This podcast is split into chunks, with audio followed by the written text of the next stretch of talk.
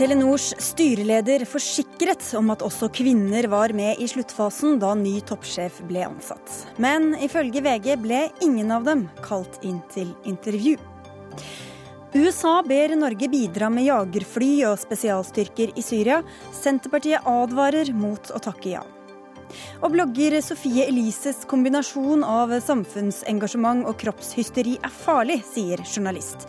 Her er det janteloven som snakker, svarer blogger.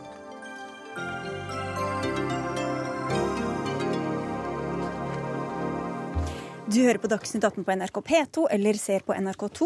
Og vi skal også snakke om gruvedrift, husmorvikarer og krigspepperkaker. Programleder i dag, Sigrid Solund. Norge kan altså komme til å bidra militært i det krigsherjede Syria. For nå ber USA norske myndigheter vurdere om de kan bidra med jagerfly, spesialstyrker, logistikkstøtte, minerydding eller medisinsk kapasitet i kampen mot terrorgruppa IS. Og Ine Eriksen Søreide, du er forsvarsminister. Hva er det aktuelt for Norge å bidra med, og hva er det ikke aktuelt for Norge å bidra med? Vi gjør nå en vurdering av den henvendelsen vi og veldig mange andre land har fått. Eh, om hva vi kan bidra med, hva vi ønsker å oppnå med bidraget vårt, i tillegg til det vi allerede gjør med kapasitetsbygging, altså trening og opplæring av irakiske sikkerhetsstyrker i Irak.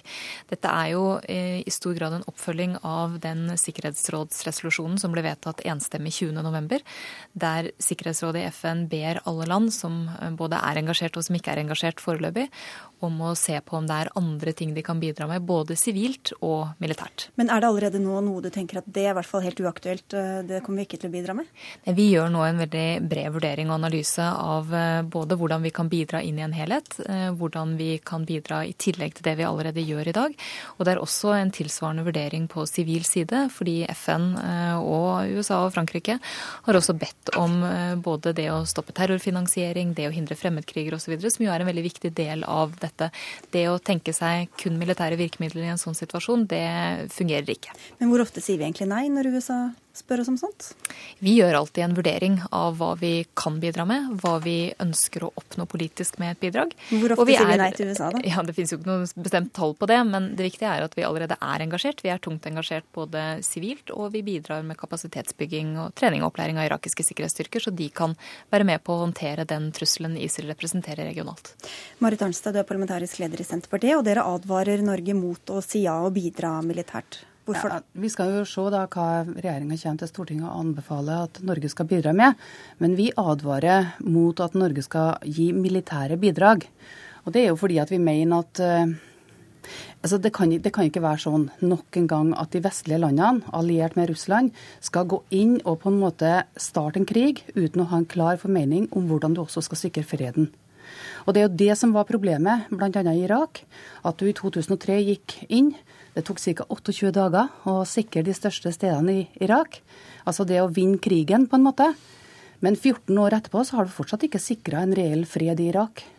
Og det betyr at eh, det å gå inn igjen militært uten å ha noen klar tanke om de politiske sidene ved det her, det kan ikke de vestlige landene bidra til. Og det trengs noen flere som sier fram det. Men tenk, sett at de faktisk har en klar tanke etter hvert, da. Ja, og, og, det er jo det jeg skal ønske at den norske regjeringa også har brukt litt tid og krefter på å si fra om. Samtidig som en da ikke bør gå inn med militære bidrag. Si fra om at her kan en ikke starte noen ting militært der en ikke har klare tanker om hvordan du skal løse det politisk. Og Det er jo litt av problemet med den alliansen som nå oppstår. Det er jo at de, det eneste som forener dem, det er at de har en felles fiende. Men ellers er det jo svært ulike, ulike eh, land vi snakker om. Alt fra Tyrkia, Russland, Frankrike og USA.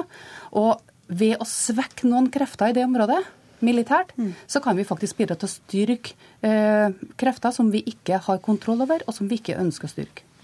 Og Dette er helt legitime vurderinger fra Marit Arnstad som eh, definitivt inngår i våre, vurderinger, og som også inngikk i vår vurdering da vi bestemte oss for å stille trenere og, og, kapasitetsbygging.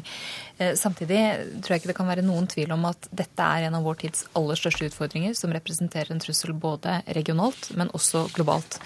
Det at vi sammen med over 60 andre land inngår i en koalisjon som ønsker å bidra til å stoppe ISIL, det mener jeg er viktig. Det har en pris også å ikke gjøre noe, fordi det kan også bidra til å øke terrortrusselen. Men vi har vært veldig klare på hele veien, og det kommer til å være i de vurderingene vi nå skal gjøre også, at det både må være en helhetlig strategi som består av mer enn militære virkemidler. Vi satt også som et vilkår for å delta i Irak at eh, det skulle komme på plass en samlingsregjering, og det gjorde det. Men der har du også vært veldig klar på og presisert bl.a. her i dette studio at der kom det også en forespørsel fra irakiske myndigheter som ba om internasjonal hjelp. Det samme ja. har jo ikke skjedd i Syria. Hvorfor er ikke det så viktig lenger, da? Nei, Jeg sier ikke at det ikke er viktig, men eh, det er altså Irak det folkerettslige grunnlaget vi er til stede på, vi og alle andre, en invitasjon fra irakiske myndigheter. Og så gjør vi nå vurderinger av bl.a. det folkerettslige grunnlaget for en eventuell, eh, norsk, eh, et eventuelt norsk bidrag også i Syria.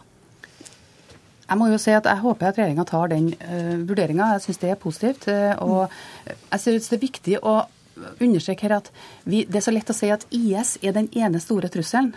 Men poenget er jo at Syria vil nok være noen av de mest komplekse krigsscenarioene du kan tenke deg.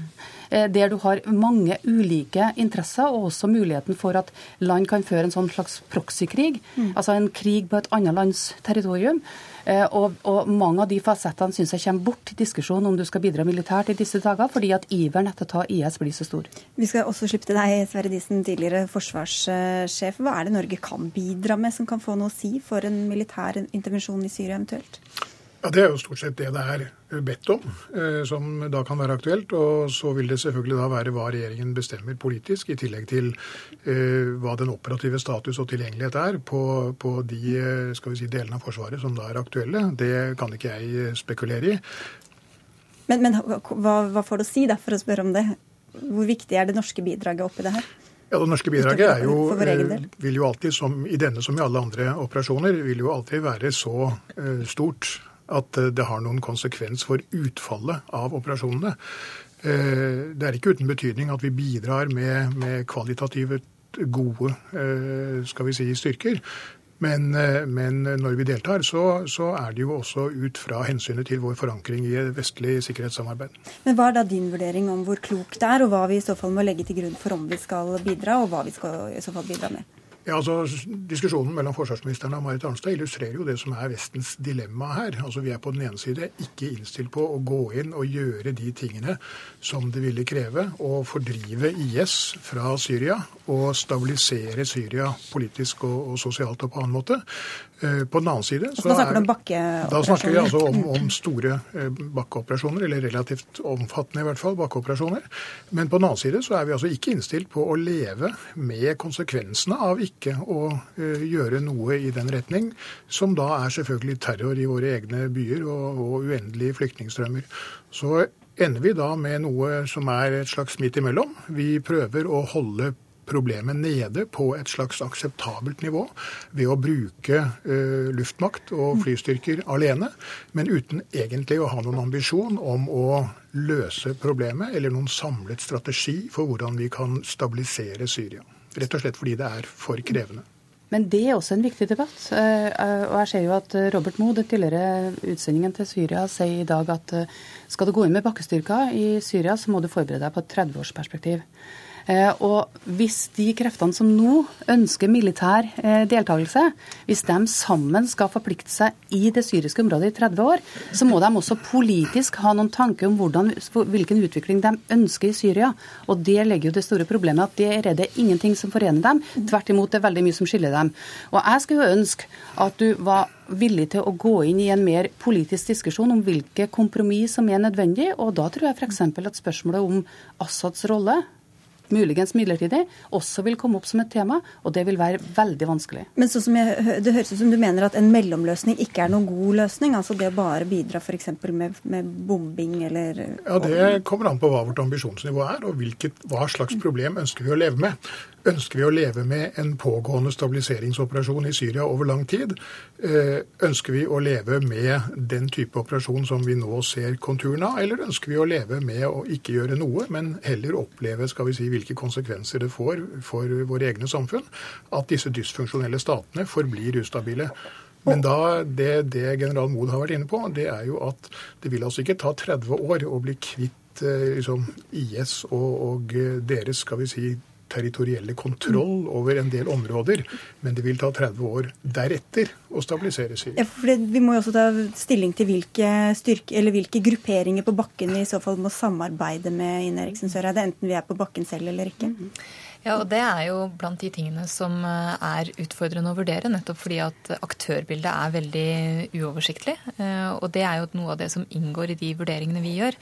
Jeg syns eh, Sverre Disen har mange viktige poenger når han peker på også det som offiserer veldig ofte er veldig flinke til å peke på, nemlig militærmaktens begrensninger. Både sett isolert sett med å tenke seg at man bruker f.eks. kun jagerfly eller kun bakkestyrker, men også det å se et bidrag inn i en kontekst der også humanitære, politiske, økonomiske virkemidler også spiller en sentral rolle. Fordi mm. dette handler jo også om eh, hva som skjer på sikt, hvordan man skal stabilisere en region eller et land på sikt. Og det handler ikke bare om eh, det man gjør der og da med militære og andre virkemidler. Så enten 30 år med stabilisering, Marit Arnstad, eller bombing og alt totalt kaos etterpå, eller ingenting? Er det deres men, alternativ? Men det høres eller? veldig enkelt ut egentlig når disse sier det at vi må gå inn og stabilisere et dysfunksjonelt land som han sier. Men altså, Mener de, dem som nå er villige til å ta militær makt i bruk, mener de det samme omkring det? Det er jo det som er problemet. Russland mener én ting, USA mener noe annet. Det er etniske og religiøse konflikter innad i området, og vi risikerer en større konflikt som eskalerer i hele området. Jeg tror at vi ikke skal overvurdere våre egne evner til å gjøre det, men jeg tror at vi har en del å hente i den politiske dialogen, som akkurat nå står helt i stampe.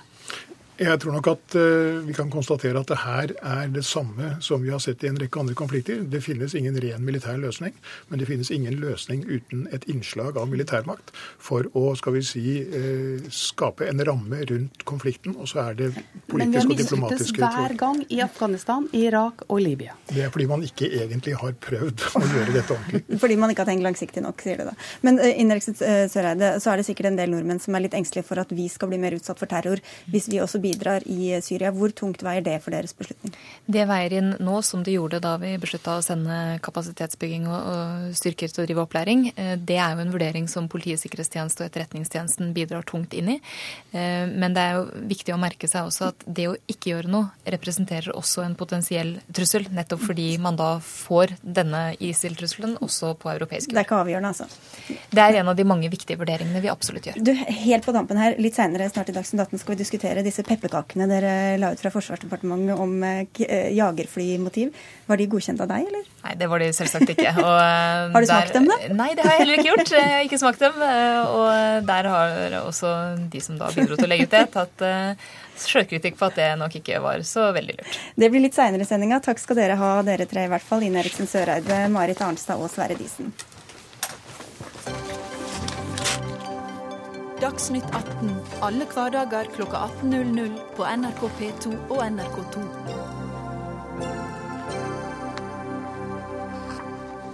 Næringsminister Monica Mæland vil ha svar fra styret i Telenor om hva som skjedde i eh, sluttfasen da selskapet skulle ansette en ny konsernsjef etter Jon Fredrik Baksås. Ifølge VG ble ikke de tre kvinnelige toppkandidatene kalt inn til jobbintervju.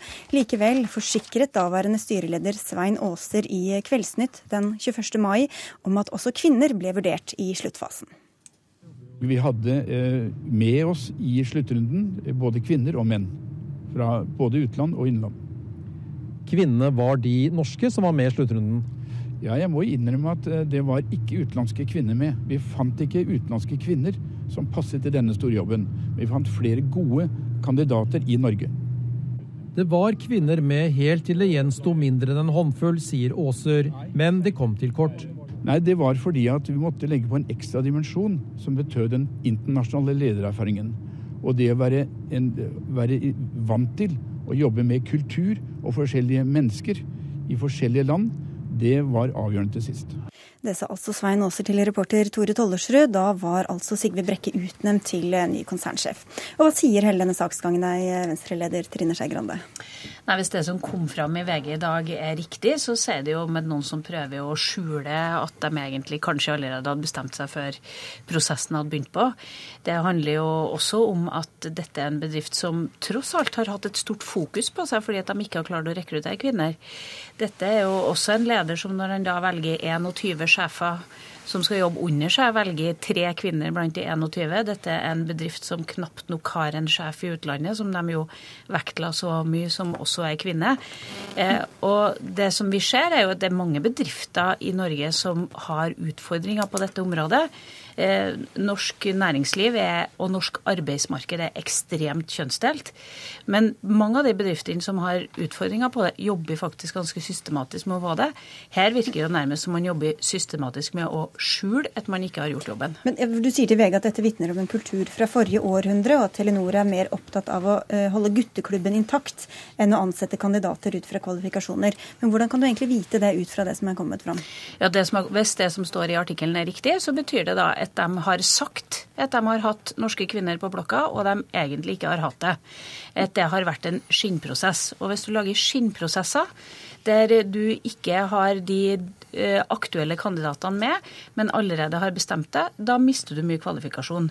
Det å hele tatt tro at du bare kan velge sjefer fra halvparten av den norske befolkninga, det mener jeg er en tankegang fra et annet århundre. Eh, ja, du kan i hvert fall spore til 50-60-tallet før noe sånt var greit. Eh, og da mister du veldig mye kvalifikasjoner, veldig mye kompetanse, hvis du ekskluderer halvparten av Norges befolkning når du skal velge sjefer. Magne Lere, du er redaktør i diverse Dagens Perspektiv, Ukeavisen Ledelse og Plott, og du skriver at dette er udramatisk. Hvorfor er det det? Fordi styret i Telenor har ansatt den de mener er best kvalifisert. Hvem er det som har funnet på den tanken at de fire kvinnene som sitter i styret i Telenor, at de har liksom en, en sånn aversjon mot å ansette kvinner? Altså det, det, er påstander som stenges ut her nå. Altså Telenor-styret er noe av det mest kvalifiserte og beste styret vi har. De er valgt i det internasjonalt miljø. Det sitter fire personer internasjonalt.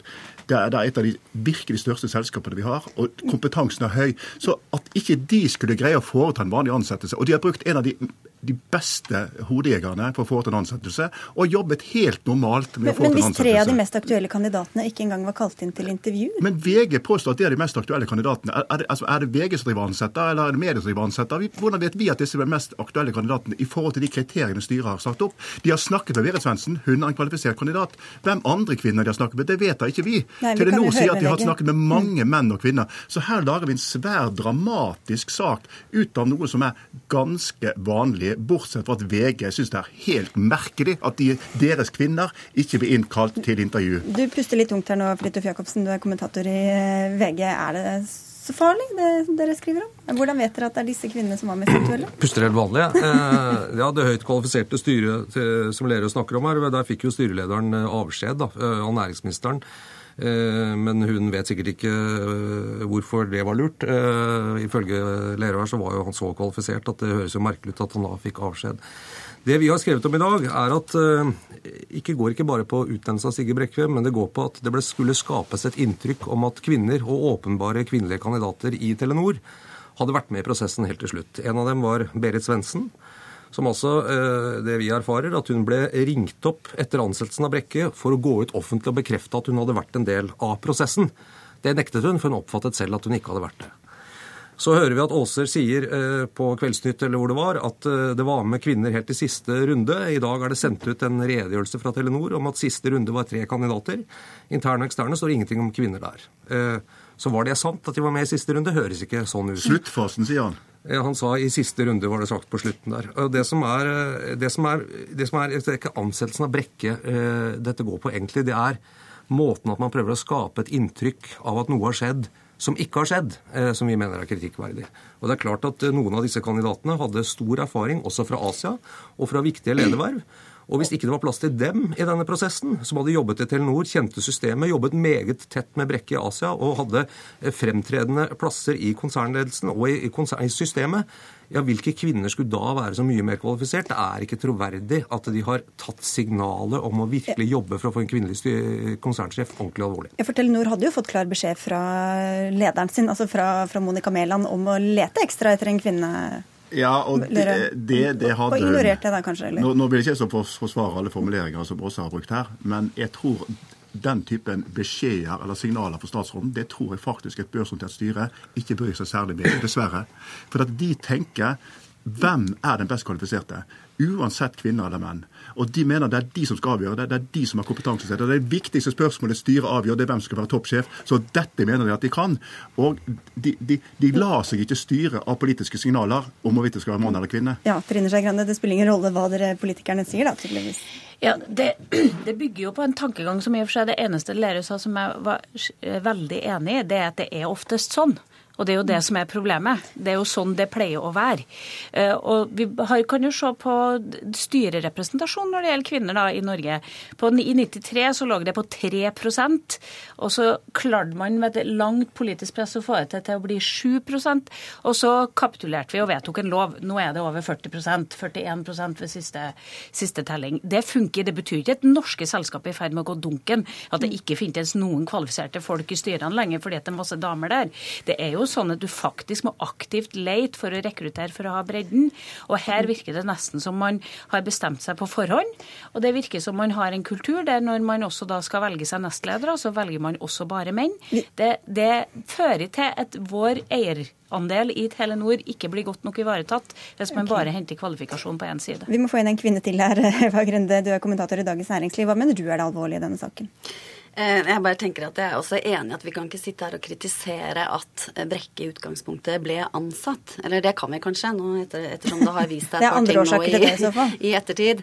Eh, han er også ute og, og, og, sykler alvorlig for øyeblikket. Men det som eh, jo virker veldig merkelig, er denne telefonen som ble tatt til Berit Svendsen om at hun måtte forsikre om at hun hadde vært med i prosessen, og at hun da ikke oppfattet det sånn i det hele tatt. Det er uheldig. Det er igjen et sånt eksempel på at man da er, omgår sammen sannheten. Det ser i hvert fall veldig sånn ut.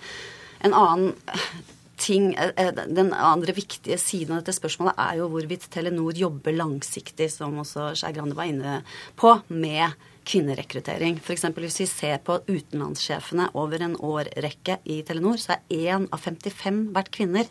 Og hvis det er avgjørende at de har utenlandserfaring, så er det klart at da får du trøbbel. Da hjelper det ikke at ministeren sier 'skaff en kvinne', hvis det hvis de ikke har noen å plukke fra. Hva slags bilde tegnes av Telenor her, da? Nei, altså, Jeg mener jo at Telenor, eh, og det er gjennom flere saker nå eh, Det gjelder først denne saken med at man var eh, i Stortingets kontrollkomité og ikke fortalte alt man visste om VimpelCom, for det passet ikke, eller man gjorde ikke det.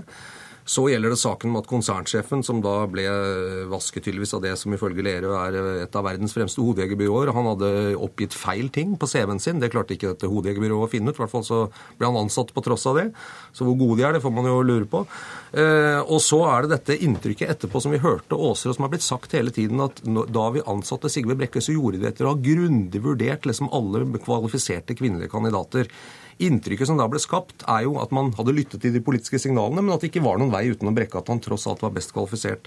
Når vi da går etter tre av de åpenbare kvinnelige kandidatene, som selv var i systemet, slik som Brekke var, hadde erfaring fra Telenor, hadde erfaring fra utlandet, hadde erfaring fra ledelse, så kjenner ikke de seg igjen i det bildet at de i hvert fall har vært en del av prosessen. Og det er klart at troverdigheten til Åser og Telenor når de sier at eh, kvinnedimensjonen har vært håndtert, har vært en viktig i lederansettelsen, syns jeg da er svært lite troverdig. Jeg må bare nevne at Vi har invitert både Telenor-styret og også næringsminister Monica Mæland som takket nei. Men Lere, du virker ikke som du stoler helt på den presentasjonen som kommer fra VG. Hvilke opplysninger har du som kan undergrave den? Jeg, jeg har ingen, ingen spesielle opplysninger, men VG påstår da at det er det er tre kvalifiserte kvinner. Mm. Sånn som han mener, eller som VG mener burde vært innkalt intervjuer. Berit Svendsen har snakket med hodejegeren, og hun er høyst sannsynlig som har stått på lista helt til i sluttfasen. Det er det Åsa sier. Men så er det da i avgangsintervjuene så har hun da ikke vært med. Og da det, har de konsentrert seg sannsynligvis om de tre. Men, men, de to andre kvinnene har de kanskje ikke vurdert i det hele tatt. Og jeg tror det at det som har vært avgjørende, det er gjerne sånn at i sånne prosesser så har du tre ulike profiler. Og så bestemmer du til slutt.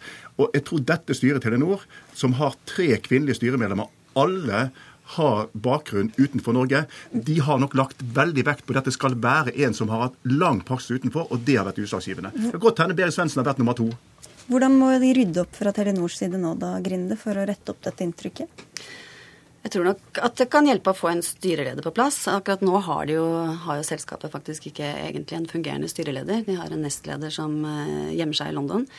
Um, Svein Aaser skriver jo i et innlegg i Dagens Næringsliv som kommer på trykk i morgen, eller det er på trykk om et par timer på nett, at han viser tilbake det som kommer fram i i VG, og at det var en kvinne med helt i, i siste runde. Så mm. en, en, dere ikke oppdaget, eh, Fridtjof? Ja, altså, eh, vel, eh, vi har også erfart at Berit Svendsen er blitt bedt om og sagt at hun er en del av denne prosessen. Lerøe vet ikke hva slags kilder han har på dette, eller hva han har gjort, men han sier nå at hun var en av de siste kandidatene. Det er i hvert fall opplysninger vi bringer i dag om at hun i hvert fall nektet å si at hun hadde vært det. Eh, om hun da har nektet det fordi at, eh, og at Lerøe mener at hun ikke husker om hun har vært det eller ikke, det vet ikke jeg. Men, men, eh, men det er altså en opplysning som ikke er bestridt. Den er heller ikke bestridt i Telenors pressemelding om denne saken, og så vidt jeg forstår da heller ikke bestridt i det som kommer i Dagens Næringsliv. Og at hun er da blitt kontaktet for å si at hun har vært en del av en prosess som hun ikke har vært, det bør jo si noe om hvordan denne prosessen har vært i etterkant, og at man kanskje var bekymret for at man ikke hadde gjort det man var blitt bedt om av den største eieren, men skulle late som man hadde gjort det, eller få noe til å si at man hadde gjort det. Så vet vi også at eh, da ledergruppen til Sigve Brekke ble sammensatt etterpå, så røk det også ut en del kvinner av den ledergruppen, og den består nå, så vidt jeg skjønner, av 17 menn og 3 kvinner sånn, i Telenor etter dette. Så at de har et problem med denne dimensjonen, i strid med den største eierens politiske signaler, det tror jeg ikke vi behøver å diskutere. Og tida går veldig fort her, Trine Skei Grande. Bør da resten av styret også gå, eller?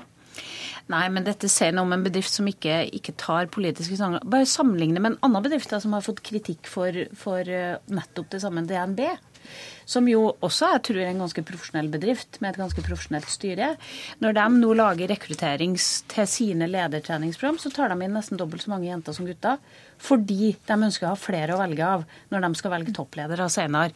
Det er en systematisk tankegang. Det er sånn man bør jobbe, og ikke lyge om prosesser. Da må man faktisk sørge for at man klarer å få en likestillingsprofil på sin ledelse, og det skjønner de andre store selskapene er viktig. Et lite omdømmeproblem altså, Grinde for Telenor nå? Ikke så veldig lite. Stort og sammensatt av mange ulike elementer. Så får vi se hvordan saken ruller videre. Takk skal dere ha alle fire. Fridtjof Jacobsen fra eh, SV, holdt jeg på å si, det var neste ark her, fra VG.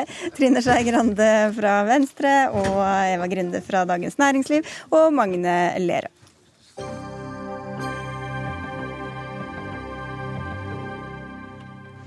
Der kommer SV-erne inn, vet du. I gamle dager trådde husmorvikaren til i barnefamilier når de trengte hjelp hvis foreldrene f.eks. For var syke.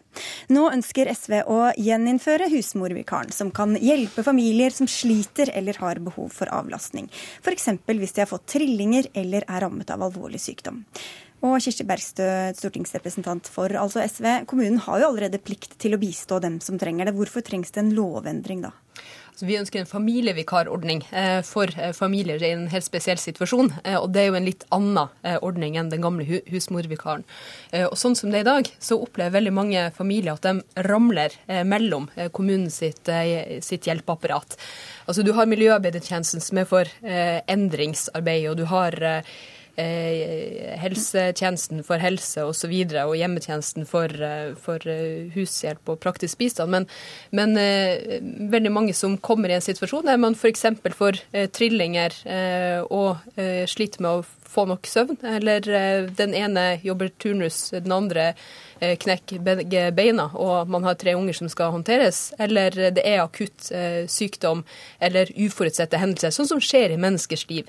Det er de tilfellene eh, vi mener at vi trenger en mye mer smidig ordning som kan komme hjem til familiene, og som kan være en reell avlastning. Og det her handler om at unger skal ha en trygg og god oppvekst, og at mm. foreldrene skal ha muligheten til å stå på fotene når ting er vanskelig i en kortere periode i livet. Laila Reiertsen, du sitter i familie- og kulturkomiteen for Fremskrittspartiet, og ser ikke helt behovet for noen helt ny ordning, så vidt jeg har forstått? Nei, altså den gamle husmorvikaren den eh, bør jo legges på hylla, og tittelen, for vi lever i et annet samfunn i dag. Det var SV enig i, ja. så vidt jeg forstår. Eh, og de kaller nå familievikar. Og eh, jeg mener jo det at eh, sånn som vi har det i dag, helse- og omsorgstjenesteloven er jo veldig klar og tydelig på praktisk bistand.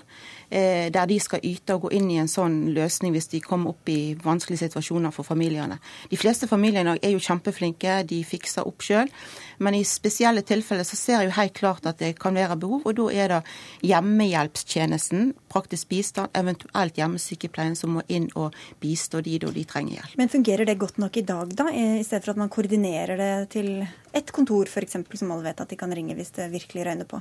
Ja, Sånn er det jo i dag, at de må jo levere inn søknad til bestillerkontoret i kommunen sin. Og da må, skal de ha et rett på et vedtak.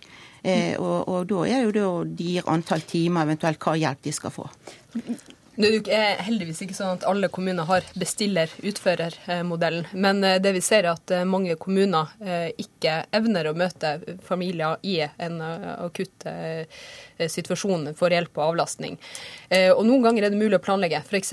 hvis du vet at det kommer trillinger i en familie, så er det stor sannsynlighet for at den familien kommer til å trenge litt hjelp. Andre ganger så er det ikke mulig å planlegge. Hvis at man er i en ulykke, man knekker begge armene, så trenger du noen til å ta vare på ungene dine mens du er på tur på sykehuset og får ordna det praktiske. Så det her handler jo om å ha en mye mer smidig eh, ordning eh, som kan steppe inn. Men hva betyr det? Skal dere ha en ny, etat, eller skal man bare nei, snakke bedre nei, sammen? det dere ha? Handler om å ha en ny funksjon. At kommunene eh, gjøres oppmerksom på at familier eh, som har behov for avlastning for en kortere periode eh, og i gitte situasjoner, mm. Eh, det må jo selvfølgelig gjøres individuelle vurderinger. Det gjør det alltid når folk får, får hjelp fra kommunen sin. Eh, så ønsker vi at kommunene skal ha plikt til å komme dem i møte. Fordi alternativet det er gjerne enten veldig slitne eh, foreldre eller at folk blir sykemeldt. Eh, og det er ikke hensiktsmessig. Og det her er jo ikke noe som de aller fleste har behov for, men dem som har behov, dem har virkelig et stort behov. Og det er tull i dag, og det er vi nødt til å, å komme folk i møte på. Ifølge Norges kvinne- og familieforbund så har 17 av 19, 17 av 19 kommuner i Oppland f.eks ikke noe tilbud til foreldre. Tar dette da ordentlig på, tas det ordentlig på alvor rundt i kommunen? Nei, for all del ikke. Mm. Altså det, de forholder seg ikke til lovverket. Så, så, enkelt er det hos meg. Og hvis vi kan um, gjøre litt mer for at eh, de skal skjønne at de har plikt til å hjelpe, så er jeg med på det. Men jeg tror ikke vi skal endre loven, men det er å mm. trygge kommunene på at dette er noe dere skal bidra med. Så tror jeg vi har en løsning på det. For eh, og tilbake igjen i husmorvikar de som var husmorvikar den gangen, de er jo veldig mange at de kommer igjen nå i hjemmehjelptjenesten, hvis det finnes noen igjen ut av dem. Og Det er jo dette her de bringer inn og hjelper familier som kommer i sånne situasjoner. Men hvorfor skal dette være opp til det offentlige? Hvorfor kan ikke foreldrene bare betale f.eks. For, for barnevakt eller litt ekstra hjelp? Hvis du trenger barnevakt, så betaler man for det. Man skal, for å få sove ut når du har trillinger, Men det her er jo ikke snakk om folk som skal på julebord. Eh, det her er jo folk som i en eh, periode i livet, eh, f.eks. Eh, spedbarnsperiode med tri eh, trillinger, eller der ene blitt syk eller skada seg, og den andre f.eks. på turnus, eller det er eh, forhold som skulle tilsi det, så, så, trenger man av og til hjelp eh, fra kommunen. Og vi ser at den hjelpa er ikke god nok i dag. Så jeg er glad for at eh, Frp her sier at de er enig i SV sin intensjon. Og da håper jeg at Frp vil være med å presisere det, eh, og, eh, og, og, sånn at vi kan få en familievikarordning. Fordi det er ingen som snakker om den gamle husmorvikaren, selv om jeg tror mange savner dem der ute. Men det å ha en familievikar for mm. de få, eh, eller de som faktisk er i en situasjon der de trenger det, eh, det tror jeg vi alle eh, hadde vært tjent med. Både ungene og ikke minst foreldrene som kan klare å holde seg på fotene. Og hvis du er for sliten til å passe på barna dine, så er du kanskje litt for sliten til å begynne å søke om vedtak fra kommunen? Ja, det, det, det, det, kan godt hende, men igjen så vil jeg si at kommunen har et stort ansvar. De har òg et ansvar for å forebygge at ikke man skal gå helt i lås og gå på en smell. Men en annen ting er òg de, de ulike organisasjonene som kan være med som en ressurs ressurs i dette her. Det er mange dyktige ressurs, ja, mm. mm. Eh, ressurspersoner som finnes der ute som kan hjelpe og trå til. Eh, så der vil vi oppfordre de òg til å være på lydhør og gå i dialog med de. Men det er jo litt uh, leit hvis at det skal kun være opp til frivilligheten uh, og så uh, sørge for at, kun, at og, og, I dag er ordninga for tilfeldig. Derfor så ønsker vi å ha en familievikar i, i kommunene som kan bistå dem som har et behov for det. Takk skal dere ha, i hvert fall begge to. Kirsti Bergstø fra SV og Laila Reiertsen fra Fremskrittspartiet. Som vi så vidt sneia innom litt tidligere her i Dagsnytt 18. Noen i Forsvarsdepartementet koste seg med julebakst og la ut bilder fra juleverkstedet på den nye Instagram-kontoen til regjeringa. Bildet viste pepperkaker formet som jagerfly, det satte fyr på internett. Kampflypepperkakene er nå heftig debattert på dette bildedelingsnettstedet Instagram. En skriver i kommentarfeltet jeg begynte faktisk å grine da jeg så dette bildet, og skremmes og skjemmes over at dette er humoren til min egen regjering.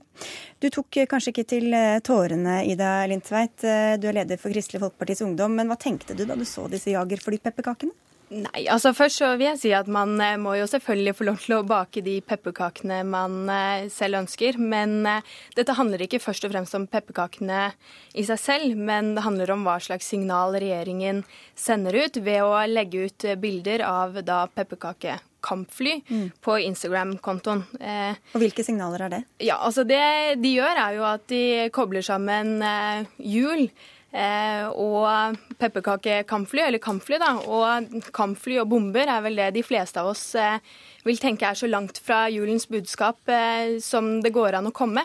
Julen handler om at vi skal være snille med hverandre og gjøre hverandre vel. Mens regjeringens budskap det er se her er kampfly som vi kan bruke til å bombe både Eh, sivile og, og, de man er i krig med. Og det syns jeg ikke er et eh, godt budskap inn i juletiden. Kristian Tone Grise, leder i Unge Høyre. Vi hadde forsvarsministeren her inne litt tidligere i sendinga. Det virket ikke som hun var sånn kjempefornøyd med disse bildene, men du eh, forsvarer kakene? Ja, jeg syns jo egentlig at eh, For det første syns jeg det er litt rart å, å bli krenket av en, eh, en, pepperkake i utgangspunktet. Men eh, jeg syns jo også at, at, kampfly her som symbol egentlig er et veldig fint symbol. At det, det er noe som vi burde være stolte av. Så det er jo Egentlig så er jo dette et slags symbol både på, på norsk suverenitet og, og norsk selvstendighet. Og jeg tror kanskje ikke at vi burde bli eh, sjokkskadet av å bli påminnet om eh, Forsvaret og Forsvarets betydning også i adventstiden.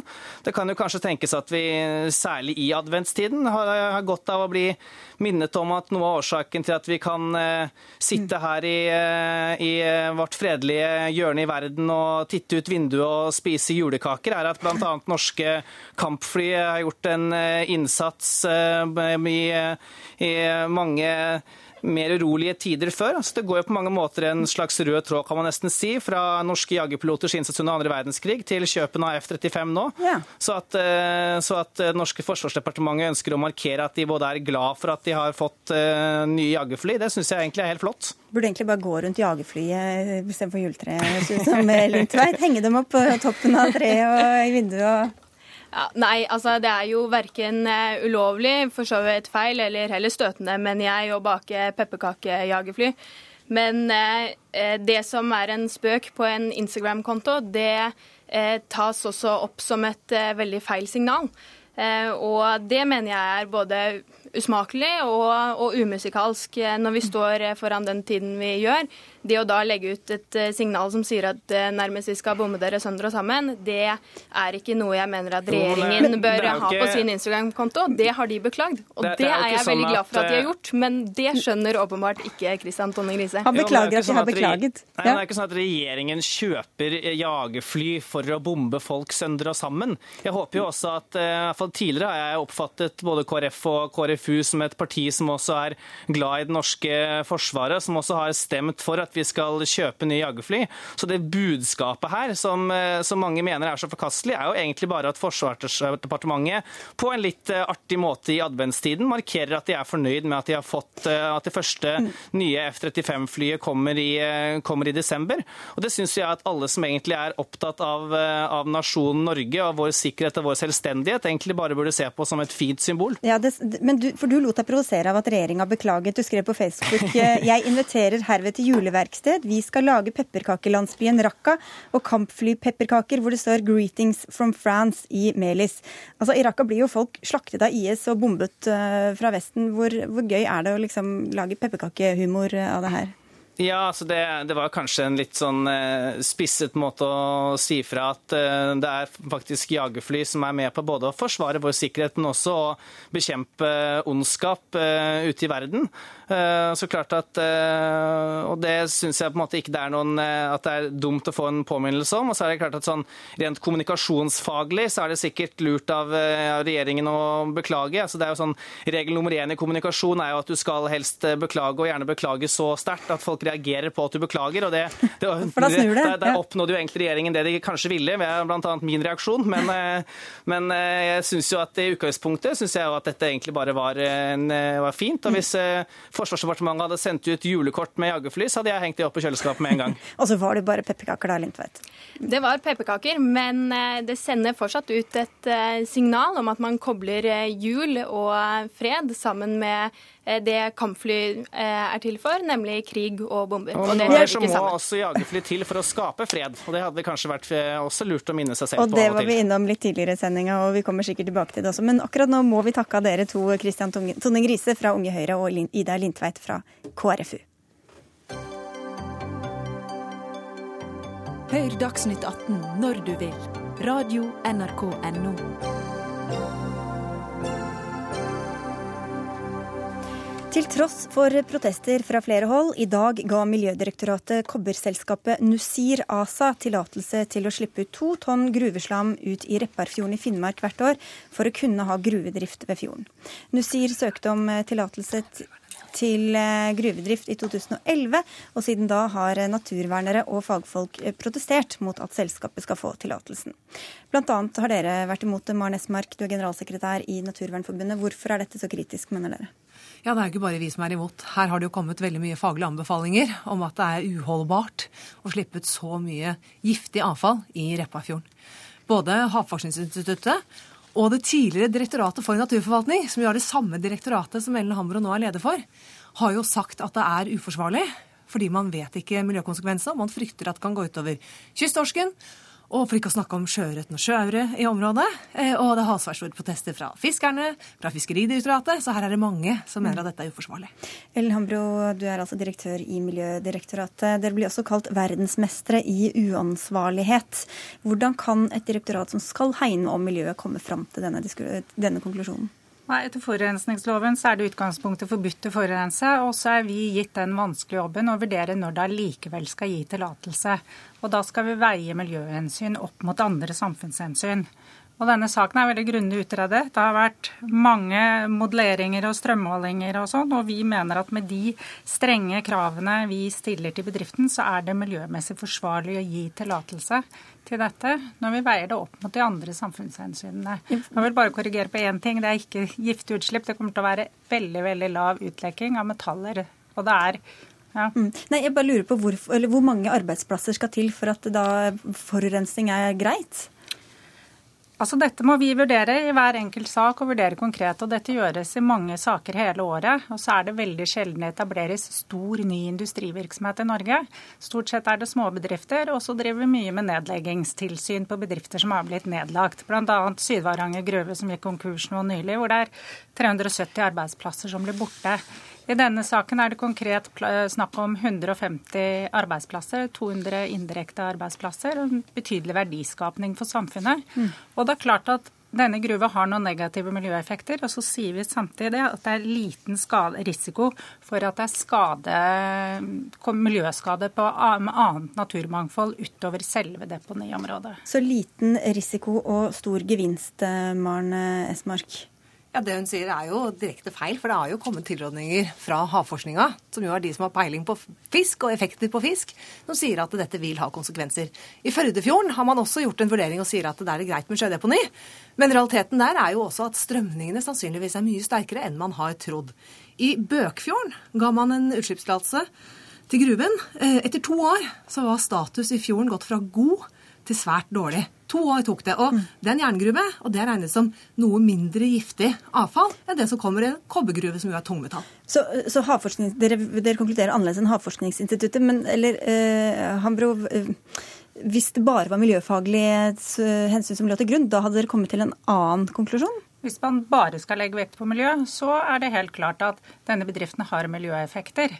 Men da ville all industri i Norge vært forbudt, for all industri har utslipp til luft og vann. Så har vi den krevende jobben med å gjøre de avveiningene. Og en viktig del av jobben vår er å vurdere hva de reelle miljøkonsekvensene, og ikke minst hvordan de kan de begrenses ved å stille strenge vilkår og krav til hvordan bedriften skal gjennomføre aktiviteten sin. Og nå må vi da leve av, eh, Jo, Denne gruven hadde sannsynligvis ikke vært lønnsom hvis den hadde vært pålagt de riktige miljøkravene. Eh, for dette er en veldig billig løsning. Du får lov å dumpe alt avfallet rett i sjøen. Og det er en løsning som er altså en skam for miljønasjonen Norge at vi i det hele tatt tillater sjødeponi sånn som vi gjør her. Vi skal få inn et annet perspektiv også. Silje Karine Moska, du er sametingsråd med ansvar for næring. Hva synes du om denne tillatelsen? Ja, jeg mener jo at det her er verdensmesterskap i uansvarlighet. Det var deg vi siterte litt tidligere. Det var det, og jeg syns det at eh, vi er er ikke uenig i de her miljøfaglige vurderingene om at det kommer til å bli negative konsekvenser. Men det jeg lurer på, det er jo den samfunnsmessige og overordna vurderinga man gjør her. I hvilken grad er Miljødirektoratet den rette instansen til å gjøre de her vurderingene. Og det var jo nevnt tidligere her nettopp den konkursen i Sydvaranger gruve som viser for en konjunkturutsatt næring og bransje det er. Og her skal vi altså bytte ut bærekraftige arbeidsplasser eh, både i reindrift, i, i fiskeri og havbruk mot noe som ikke står seg i et evighetsperspektiv, og det reagerer vi sterkt på. Men hvorfor er reindriftsnæringa truet av dette, da? Ja, Det er jo fordi at uh, den virksomheten kommer til å sperre flytteleiene. Og vi snakker om to reinbeitedistrikt som i tingretten har fått konstatert at tollgrensen for reindrifta er overskredet allerede. Uh, og jeg har også lyst til å peke på det her at det er jo klart det ene er det valget mellom ikke-fornybare og fornybare uh, næringer, hvor vi mener at vi må gå for det fornybare, det som har konstituert bosettinga og skapt levegrunnlag i i dette området i urminne tider. Og så har jeg lyst til å ta frem det eksempelet fra Landbruksdirektoratet, som jo vi så også gjorde vurderinger, eh, men hvor konklusjonen til slutt var eh, overordna næringspolitiske føringer. På samme måte som Miljødirektoratet her har konkludert. Alle faglige råd trekker i en, eh, i en negativ retning, og så konkluderer man likevel på basis av næringspolitiske føringer. Og da lurer jeg på, er det sånn at man blir utsatt for et utilbørlig press fra politisk ledelse? Så det hun indirekte sier her, er at dere er blitt bedt om å ta, komme, fatte et vedtak fra politisk hold fra departementet? Nei, det er ikke riktig. Vi gjør helt selvstendige vurderinger og har overhodet ikke blitt styrt fra politisk ledelse. Og så er det selvsagt sånn at dette vedtaket som er fattet av oss, er påklagbart, og flere aktører har allerede varslet at de vil klage på det, sånn at saken kommer til fornyet behandling i regjeringen ved en klage. Men eh, hvor tungt har disse reinarbeidsplassene veid opp mot de andre gruvearbeidsplassene, da? Nå er det sånn at Spørsmålet knyttet til reindriftens interesser ble grundig vurdert av regjeringen da de avgjorde den kommunale reguleringsplanen for arealet. Og Da sa Kommunaldepartementet og Landbruksdepartementet, som har ansvaret for eh, reindriftsnæringen, at eh, de anbefalte at området ble regulert til eh, deponi. Og det er vel sånn at et eventuelt landdeponi, hvis man skulle legge disse massene på land, ville medføre betydelige miljøkonsekvenser på land, og dessuten ville det stå i et ytterligere vanskeligere forhold til reindriftens interesser. Ja, Når det gjelder reindrifta og den reguleringsplanen, så er det stilt et krav om at, man skal, eh, at mm, gruvenæringa og reindriftsnæringa skal komme til en enighet om avbøtende tiltak som gjør at reindriftsnæringa kan videreføres i området. og det, Sånn enighet er ikke etablert. Da mener Staten putter de folkerettslige vurderingene over på to næringsaktører lokalt, og mm. det har ikke staten anledning til. Så her må jeg forventer at eh, sentrale eh, politikere og regjeringa tar ansvar også for de urfolksrettslige perspektivene i saken. Mm, og det er jo ikke ditt bord, Hambro. Hambro? Nei, det er ikke vårt kjerneområde, men vi skal vurdere alle mm. samfunnsmessige interesser. og Her har vi lagt vesentlig vekt på den vurderingen regjeringen hadde da de kom til at arealet kunne reguleres til gruveformål. Maren Esmark, hva er alternativet? Eh, alternativet her er hvis man skal ha en gruve i Repparfjord, så så er man nødt til å finne alternativ bruk av avgangsmassen. Altså Da må du bruke avfallet til noe annet, eller deponere det tilbake igjen i gruva.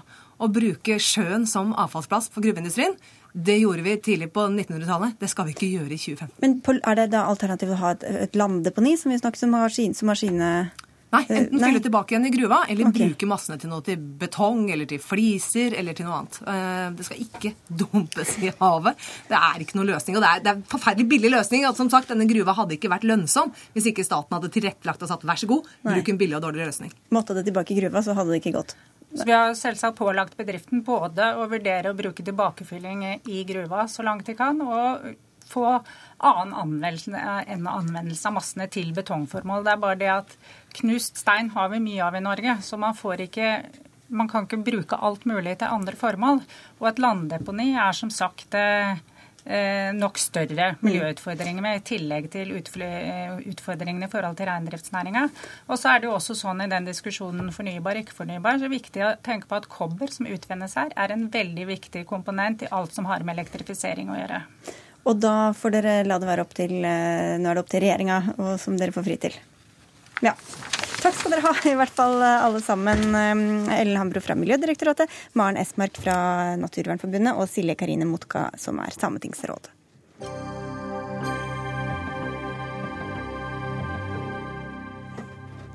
Bloggeren Sofie Elise Isaksen har fått så mye ros for engasjementet sitt for flyktninger og mot eh, palmeolje. Men bloggen hennes er egentlig en orgi i selvdyrking med sminke, shopping, klær og pornolignende posering i dertil passende antrekk, skriver du i en kronikk i Fagbladet Journalisten Anki Gerhardsen. Du er journalist og kritiker. Og du sier at dette samfunnsengasjementet egentlig bare gjør dette blogginnholdet enda mer skremmende. Hvordan da? Ja, altså Det er kanskje fordi at vi ser det ene, men vi ser ikke det andre. Det er flott med samfunnsengasjement, og så ser vi ikke kroppshysteriet som ligger under der. Og det er kanskje særlig til pressen. Men eh, for disse jentene som følger denne bloggen, her, så er jeg redd for at denne miksen bare gjør kroppshysteriet enda mer gangbart. Jeg tror at jenter som leter etter en aksept for å endre på kroppen sin, eller for å øke sitt eget kroppsfokus ytterligere. De kan finne en slags støtte nettopp i den miksen her, da. Det gir en bedre identitetsopplevelse, en, eh, en sånn slags trøst. Jeg kan eh, gjøre sånn som Sofie Elise gjør. Jeg kan fylle leppene mine med Restylane eller hva det nå enn måtte være, og så kan jeg engasjere meg i samfunnet etterpå.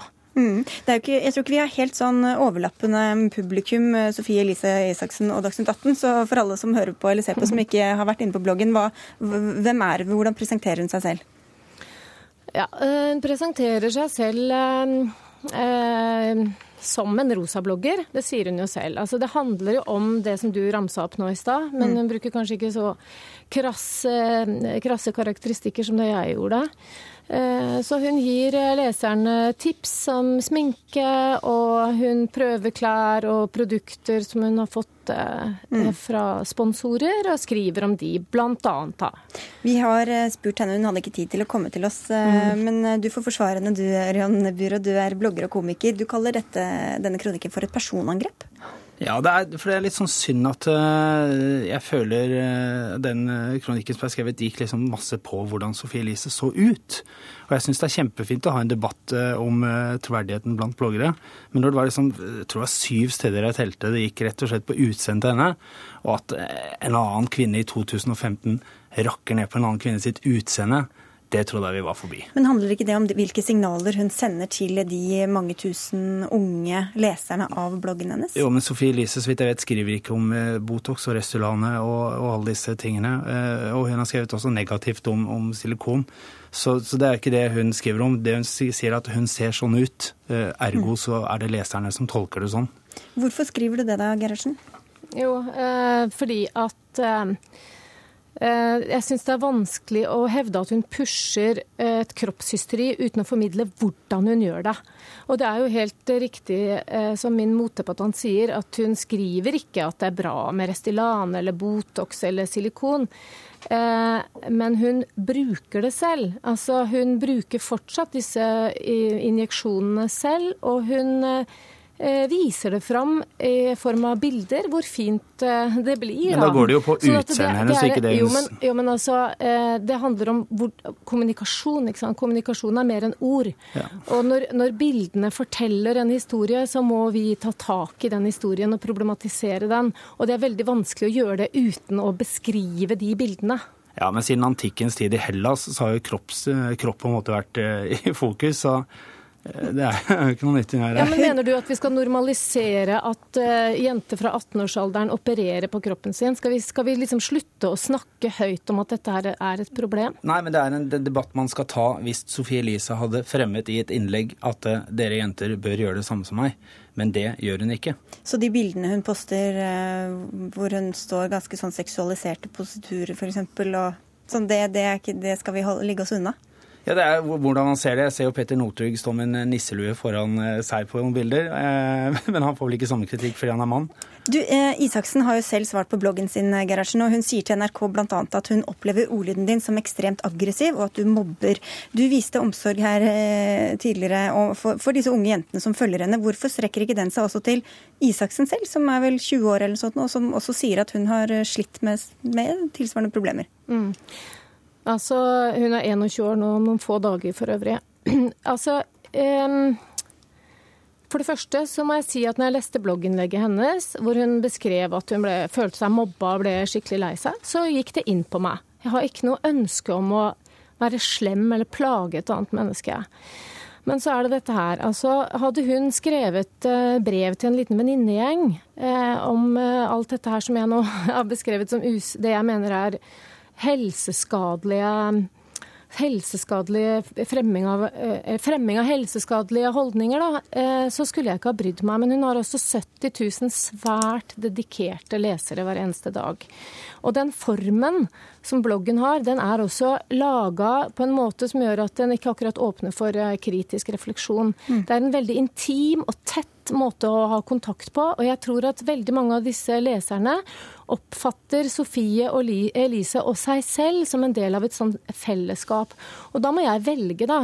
Skal jeg la være å påpeke dette her for at Isaksen ikke skal bli lei seg, eller skal jeg tenke at nei, nå må vi altså ta vare på denne oppvoksende generasjonen som vi vet begynner å få et ganske forskrudd forhold til sin egen kropp og sitt eget utseende. Og jeg valgte det siste. Og så må vi inn på da det som du nevnte, og da kommer du inn her, eh, Kjersti Løken Stavrum, du er generalsekretær i Norsk Presseforbund. Eh, hun blir jo da brukt som kilde, f.eks. jeg nevnte palmeolje, flyktningkrise osv. Og, så og da sier Gerhardsen at hun slipper mye billigere unna enn andre. Er du enig i det? Jeg syns det blir litt spesielt å si at Sofie Elise Isaksen slipper billig unna. Hvis det er noen som vet noe om hvordan det er å bli møtt med hard kritikk og bli frosset ut og latterliggjort, så uh, tror jeg faktisk det er henne. Uh, gjennom mange år har hun vært utsatt for uh, usedvanlig harde angrep, også i NRK f.eks. Uh, hvor Radioresepsjonen bl.a. kalte henne for en knulledukke. Og jeg kan ikke huske at det var noen samfunnstopper som truet med å boikotte noen programmer etter det. Så det kjenner jeg nok ikke meg helt igjen i. Derimot så er jeg ganske enig i at det er viktig at man driver kritisk journalistikk på bloggerne, og selvfølgelig også Sofie Elise, fordi mm. at hun er så stor. Eh, og det hun gjør, er viktig. Um, men den bloggen eh, som vi nå diskuterer, den burde jo da nettopp eh, drive kritisk journalistikk på journalistene. Men den eneste som er lei seg i dag, er Sofie Elise. Eh, og det er etterlyst i den bloggen spørsmål som er stilt. Eh, Gerhardsen etterlyser spørsmål som burde vært stilt i Lindmo. De ble stilt i Lindmo. Eh, og derfor så er det jo ingen journalister heller som, i dag som er på banen eller føler seg kritisert. Da. Og, og ut fra det så, så tenker jeg at Sofie Elise, som jo har vært et veldig spesielt fenomen i norsk bloggsfære i mange år, det har hun vært, har vært kjempeliten, er fortsatt ung. Eh, hun prøver nå å utvikle seg videre, eh, og, og da skal man kanskje lytte til det, sånn at hun kan få en viktig innflytelse. Mm. For Hun har jo da, som jeg nevnte, vært engasjert i f.eks. palmeolje, flyktninger, Anki Gerhardsen. Men skal man da, når man intervjuer henne om det, også trekke fram hver gang utseendet hennes, eller hvilke signaler hun sender gjennom det? Nei, selvfølgelig ikke. Men det er, liksom, det er, et eller annet sted her hvor jeg ramler litt av. fordi at eh, jeg, altså Oppmerksomheten er veldig mot henne og hennes personlige utvikling og hennes følelser. Men, men hun har altså en, en hærskare av ungjenter som følger henne. Hva med dem? Eh, jeg henviser jo til Ungdatas undersøkelse i, i min kronikk. Og jeg har også selv vært med i et kunstbasert forskningsprosjekt hvor vi jobba med en masse unge jenter om deres forhold til identitet og selvfølelse. Eh, det var ganske interessant å høre hvor viktig bloggen, altså mm. rosabloggen, var i deres eh, hverdag. da. Så, så kanskje, altså Hvis pressen skal gjøre kritisk journalistikk, så kan de jo f.eks. undersøke Spør unge jenter hvor mange regner det som sannsynlig at de vil foreta kroppskorrigerende operasjoner innen ja, x antall år, og spør hvor de henter inspirasjon fra. Og den typen journalistikk ser du hele tiden. Så er jo spørsmålet om er det utelukkende Sofie Elises eh, ansvar. Jeg tror jo hun har Eh, og så vidt jeg hører på henne også, har gjort noen erfaringer som, eh, som hun mener andre kan lære av. Men, eh, Men igjen, jeg er helt, jeg er helt enig med Gerhardsen at bloggerne er altfor viktig til å kunne gå ut og inn av en sånn privatsfære og en så, så innflytelsesrik sfære som Sofie Elise jo beveger seg i. Så hun må nok, være, hun må nok venne seg til skarpe, skarpe kommentarer. Men når man da skal kommentere dette, så tror jeg det er bra å gjøre god research og være presis. Men da må man gå på hvordan, hva de skriver, og ikke hvordan de ser ut. Mm. Det er veldig viktig. Det er en stor forskjell. ja, det er jeg enig i. Det får bli siste ord her fra studio. Tusen takk for at du også var med, Anki Gerhardsen. Takk til dere her fra Marienlyst, Kjersti Løken Stavrum og Ørjan Bure. For Dagsnytt 18 er ved veis ende i dag. Vi er tilbake i morgen eh, som vanlig klokka 18. Det var Ida Tune Øresland som hadde ansvaret for sendinga. Teknisk ansvarlig Stein Nybakk og i studio Sigrid Solund.